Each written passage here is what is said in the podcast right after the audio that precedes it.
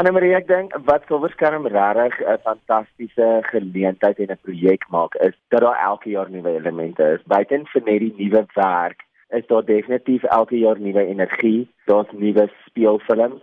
Daar is as deel van die fees een van die elemente wat definitief behou word, dit die kortfilm projek wat laas jaar uitgebrei is na 'n uh, kortfilm, soos 'n gewone kortfilm 20 minute en dan kort kortfilms enigiets van 10 tot 11 minute lank waar mense klein bietjie meer eksperimenteel kan werk.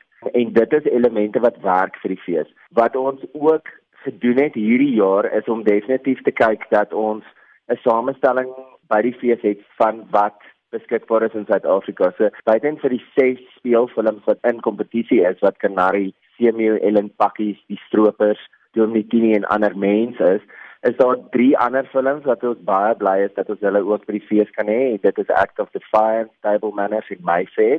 Um, wat daai baie lekker maak is dat letterlik tussen al 9 die speelfilms is alles Suid-Afrikaanse stories of dit het 'n fokus op 'n gedeelte van 'n Suid-Afrikaanse storie.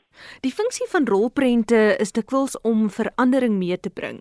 En as ek kyk na die groep speelfilms wat op julle kalender is vir die Silverskermfees, lyk dit soos rolprente wat reeds internasionale gehore by filmfeeste daar beïndruk het. En en dan ook van die speelfilms met spesifieke verwysing na Canary, Samuel Ellen Pakkies en die Stroopers is daar ongelooflike internasionale sukses gewees rondom daai film. Daai film doen reeds goed by internasionale feeste.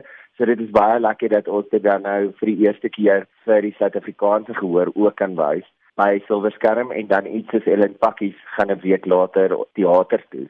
So dit is amper byna onmiddellik beskikbaar vir die publiek.